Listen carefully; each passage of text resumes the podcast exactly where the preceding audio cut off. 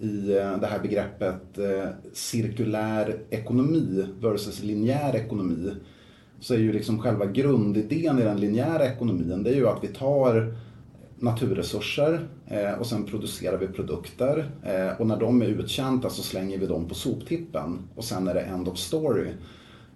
idén i den cirkulära ekonomin det är mer att försöka behålla värdet på produkter och komponenter så absolut långt som det är möjligt och därmed öka resurseffektiviteten. Eh, men med det sagt så är det ju inte säkert att en slutkonsument alltid märker skillnaden när du och jag till slut går och handlar i en butik. Spännande. Och de här begreppen ska vi klara mer. Eh, och tack för att du kom hit Johan Frishammar från Luleås tekniska universitet. Eh, välkommen till Saltbattagatan. Tack så jättemycket. Jag är glad att få vara här.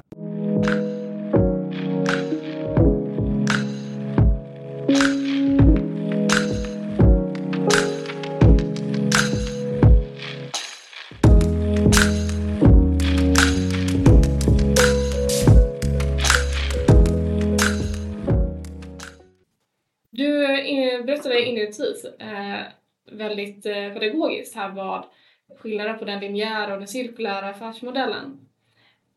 Men eh, kan du ta det som en gång till i vilken typ av tillverkning det här sker? Eller sker det i all form av eh, företagsmodell? Ja men absolut. Om vi börjar med begreppet affärsmodell eh, så har det tre komponenter. Så en affärsmodell svarar egentligen på hur ett företag skapar värde, hur ett företag levererar värde och hur ett företag till slut fångar värde, det vill säga se till att, att få betalt för de varor och tjänster man producerar. Och en cirkulär affärsmodell svarar också på de här tre frågorna men där eh, liksom det, det bärande begreppet är att jobba om de här tre så att det blir väldigt mycket mer resurseffektivt än i en traditionell linjär affärsmodell.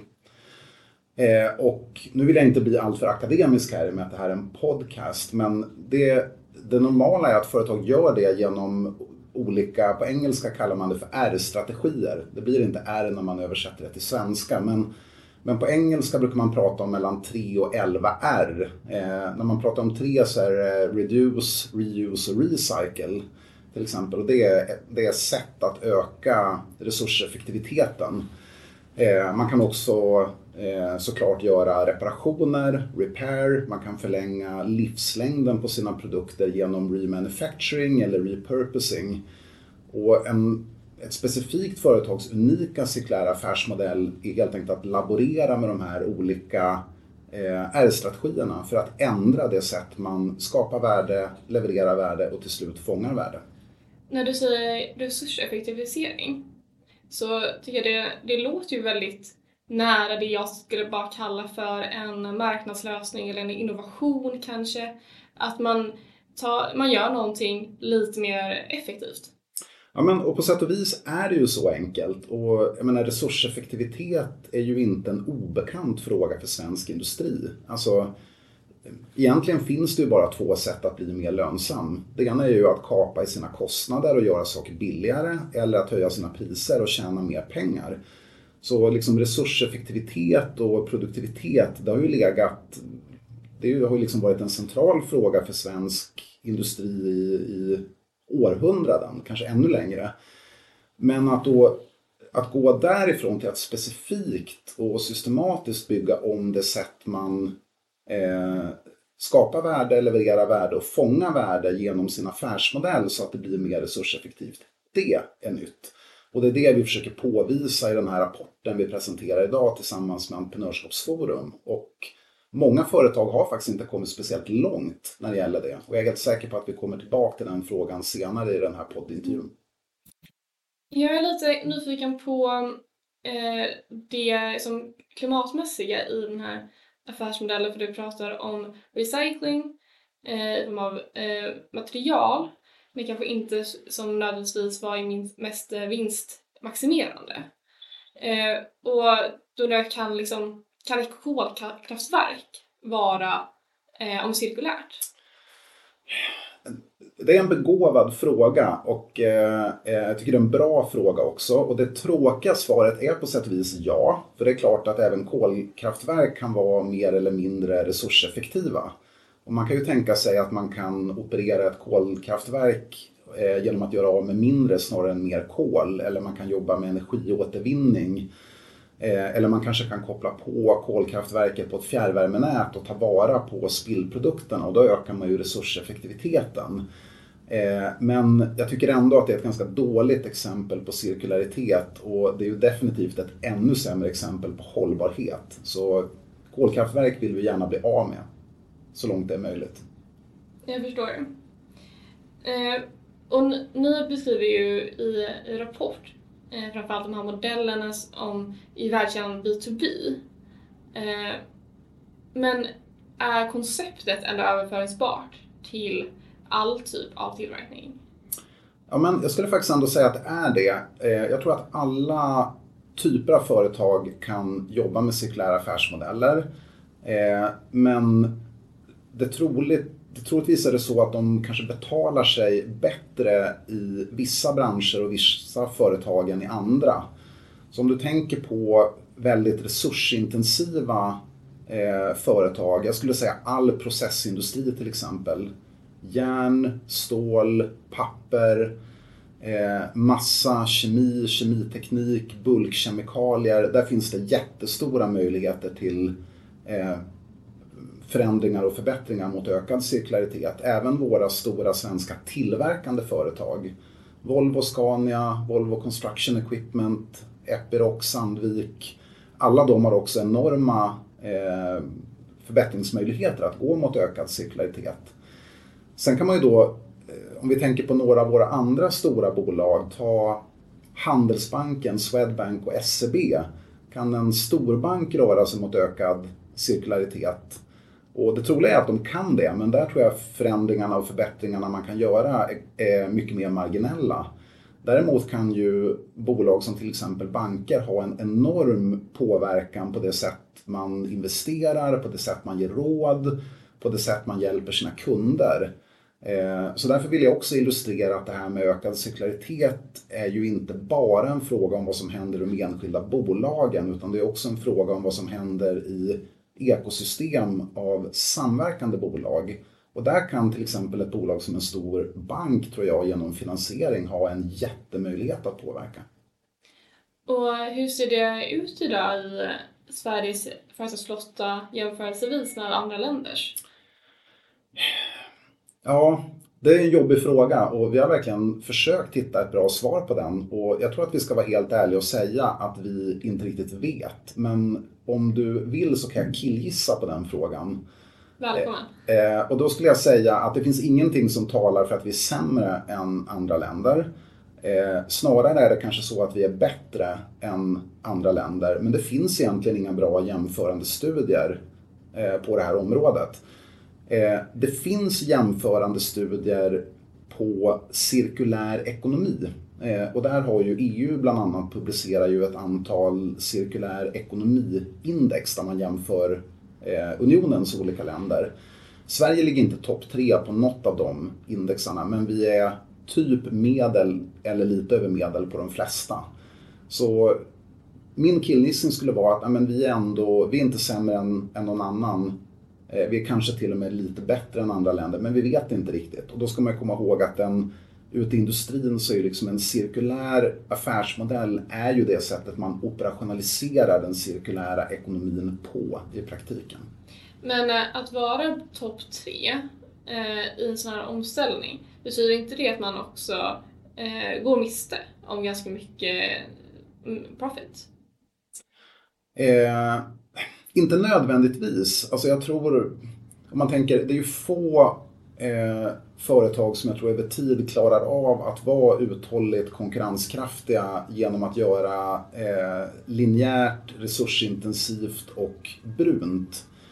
Utan i bransch efter bransch så blir ju liksom omställningstrycket blir ju så pass hårt att de bolag som inte klarar av att ställa om och konkurrera genom att vara mer cirkulära och hållbara, de har ju ingen framtid. Så ja, absolut, kanske på kort sikt att eh, det medför ytterligare investeringar. Eh, vilket kan sätta tryck på, på bolagens vinster. Men på lång sikt så ser inte jag riktigt någon annan utväg än att man, man säger industrin, måste gå åt det hållet. Finns det vissa branscher som har kommit eh, längre än andra? Du pratar ganska mycket om industrin här och Sverige har ju en tung just industrisektor. Eh, men finns det någon bransch där det är liksom eh, men som ligger framkant hela, hela branschen gått framåt? Eh, jag tänker kanske mycket på textilindustrin eh, där man marknadsför sig med de här begreppen. Jo, eh, samtidigt som textilindustrin som jag då ska säga att jag verkligen inte är någon expert på, men den blir ju om gång efter annan uthängd för att vara icke hållbar och snarare uppmuntra till mer linjär konsumtion. Men jag tror att vi, vi exemplifierar ju i den här rapporten vi precis har släppt och skulle också vilja uppmuntra era eh, lä, eh, lyssnare såklart att besöka Entreprenörskapsforums eh, hemsida där den här rapporten kan, kan laddas ner. Eh, och där exemplifierar vi ju från många bolag runt om i Industrisverige som vi tycker ändå eh, ja, gör ett bra jobb. Jag skulle vilja lyfta till exempel Sandvik, Scania, Volvo, VCE, eh, ABB och även gruvbolaget LKAB. Många tänker ju på gruvbolag som nästan per definition linjära och eh, icke-cirkulära. Men om vi tittar på den här stora industriparken LKAB nu är på väg att eh, anlägga som heter Remap, den kan man läsa om på LKABs hemsida, så är ju hela idén att kunna utvinna eh, bland annat sällsynta jordartsmetaller ur tailings, alltså det man tidigare har trott varit skräp. Gruva producerar ju mycket skräp och det lägger man ju på deponi. Eh, och det LKAB försöker sig på nu är det vi skulle kalla då för en regenerativ affärsmodell. Man har alltså förlorat värde ur produkten och nu har man kommit på ett nytt sätt att återskapa det värdet. Och det tycker vi är både innovativt och kreativt. Men sen ska vi också säga att eh, många industribolag har i dagsläget inte kommit speciellt långt. Och mycket av det vi tycker oss se när vi tittar ut i industrisverige är snarare experiment i tidiga faser snarare än operativt fungerade, uppskalade och lönsamma cirkulära affärsmodeller. Något eh, jag slogs av när jag läste igenom den här rapporten var att eh, många av de här eh, cirklarna, om man ska beskriva det som, går ju in i varandra. Att ett företag som cirkulära värdekedjor kan till stor del bygga på eller bli bättre av att den krokas, krokas i ett annat företags eh, produktframställning. Sådär. Och det här kräver ju väldigt mycket samarbete företag emellan. Eh, och jag undrar vad du har som att säga om det och hur företagen, eh, vad det finns för, för, för farhågor för företag att dela med sig av så pass mycket information och samarbete? Jag tror den absolut största eh, farhågan, eller i alla fall visar också vår tidigare forskning, om man tänker att vi utgår från ett stort tillverkande företag, eh, då är det att de tänker alldeles för mycket på en cirkulär affärsmodell som deras snarare än att de tänker på den som våran. Eh, så man tänker för mycket på sig själv och för lite på sina partners. Och det som är utmärkande eh, tycker vi oss se i vår forskning just kring cirkulära affärsmodeller är att man måste utanför företagsgränserna. Så man måste jobba ihop med eh, precis som du säger, eh, olika aktörer i värdekedjan eller ekosystemet. Och det kan vara kunder, eh, det kan vara leverantörer, det kan vara underleverantörer, det kan vara leverantörer av eh, avancerad eh, IT och datainfrastruktur, digitala plattformar och kanske till och med konkurrenter. Eh, och rädslan då eller oförmågan att jobba ihop med de här aktörerna tror jag är ett mycket större problem än att man eh, delar med sig av affärskritisk eh, kunskap. Att eh, de som inte är med på banan kommer istället att dö ut? Ja, det är det man fruktar i alla fall på, på lång sikt och vi, vi tror att kritisk fråga för svensk industri, alltså att systematiskt öka graden av cirkularitet i, i sitt värdeskapande och i de produkt och lösningserbjudandena man erbjuder marknaden. Och det krävs helt enkelt för att vi ska kunna behålla vår position som en framstående industrination. Jag kanske också ska säga, och det, jag vet inte om det hörs på mina svar, men jag är ju i grund och botten väldigt industripositiv. Jag, eh, jag tror verkligen på vår industri, jag tror på Sverige som en industrination. Eh, däremot känner jag som forskare en oro för att vi kanske tappar i eh, konkurrensförmåga om vi inte lyckas eh, med den här cirkulära omställningen. Så jag tror att den, det är ett sätt att bibehålla det vi har i Sverige med en väldigt framstående exportindustri. Är efterfrågan på ett cirkulärt framställt eh, industrimaterial eh, lika stor som den är på det linjära, även om det cirkulära skulle initialt vara dyrare. Jag tror att det kan också variera lite eh, bransch för bransch. Jag tror att många försöker nu tror jag, fundera ut hur mycket är liksom prispremiumet på det som är hållbart utöver det som icke är hållbart. Eh, och där har vi ju nu eh, en del bra eh, nutida exempel med till exempel grönt stål som faktiskt har en ganska stor prispremie i de eh, kontrakt som skrivs. Och i och med att fler och fler bolag rör sig också mot att mäta eh, det man kallar för Scope 3-utsläpp då, alltså de indirekta utsläppen i sin värdekedja så blir det också liksom mer och mer tydligt var problemen finns. Klart det kan slå lite olika på olika branscher men, men vi tror absolut att det, att det premiumet finns. Eh, och sen är frågan hur stort det är. Det är lite upp till varje företag och bransch att, att kunna undersöka och uppskatta det. Du pratade om att eh, EU ändå mäter den cirkulära ekonomin när de inte mäter affärsmodellerna. Och vad finns det för politiska som bromsklossar, eller om det finns några sådana? För bevisligen så ligger vi ju inte i topp. Och är det, är det hinder eller är det bromsklossar? Och skulle du kunna identifiera dem? Eh, ja, jag, jag, känner mig lite obekväm med den frågan och skälet till det är att jag som har skrivit rapporten då, Johan, jag ska säga att det här är inte bara jag som har gjort det utan eh, det är gjort ihop med en eh, kollega, Vinet Parida, eh, professor i samma grupp som mig. Eh, vi är båda två eh, forskare inom entreprenörskap och innovation med fokus lite mer på enskilda företag och värdekedjor och sådär och vi är inte jättevana att eh, tänka kring utformning av policymix och exakt hur den ska se ut och sådär. Och, eh, och det är såklart en fråga vi har funderat på. Det här, är de styrmedel vi har idag tillräckliga? Jag menar vi har klimatpolitiska mål på både Sverige och EU-nivå. Eh, vi har ett allt liksom, tajtare ramverk kring handel med utsläppsrättigheter som är på väg att strypas undan för undan. Eh, men det är lite en öppen fråga det här att är, är, liksom, är den, den politik vi har idag tillräcklig eller krävs det ännu mer? Och jag tror att man eh, jag skulle få bli tvungen att killgissa ur min komfortzon på den frågan. Så jag tror nästan att jag vill lämna det till någon som är mer specialiserad just på policy. Det, det kanske kan... inte är bromsklossar, det kanske är för låg hastighetsgräns. Ja, och en sak vi försöker göra en poäng av i, i den här rapporten att till att börja med så tycker vi, eller tror vi och se att industrin har ett stort egenansvar att agera och många av de här barriärerna som motverkar eh, cirkulära affärsmodeller i företag ligger faktiskt inom armlängds avstånd för företagen. Så mycket kan man faktiskt göra själv utan att det för den skull behövs mer politik. Men det är klart att man kan tänka sig riktade forskningssatsningar på eh, kunskapsutbyggnad kring cirkulära affärsmodeller. Man skulle kunna tänka sig statligt subventionerade program där man ökar kunskapsutbytet mellan olika företag och branscher till exempel för att sprida best practice. Det kan ju vara två idéer. Men igen, en del av det här görs ju redan genom till exempel Vinnova och andra offentliga aktörer. Så det är till stor del eh, managementkonsulternas uppdrag att eh, läsa er rapport?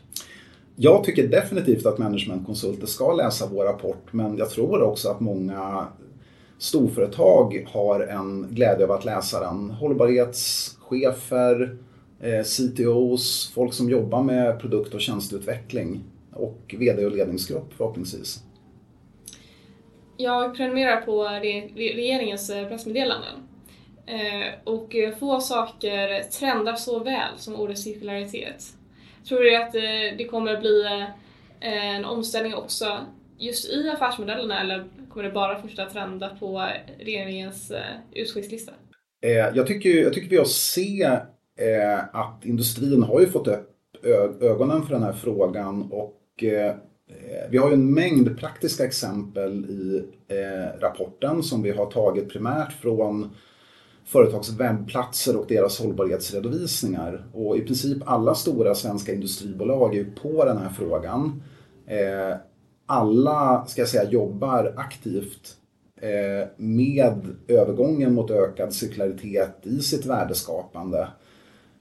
Men det man verkligen hade velat se under kommande år, det är att man i den intensifiera de här ansträngningarna och att vi får se inte bara pilotexperiment utan även uppskalning och i förlängningen att det cirkulära inte bara kompletterar det linjära, vilket jag tror mycket är fallet idag, utan allra helst ersätter de linjära affärsmodellerna. Och det tror jag är kanske huvudslutsatsen ur vår rapport, att vi känner inte till ett enda stort svenskt industribolag som har utvecklat, byggt, skalat en cirkulär affärsmodell så att den har kommit att ersätta den linjära.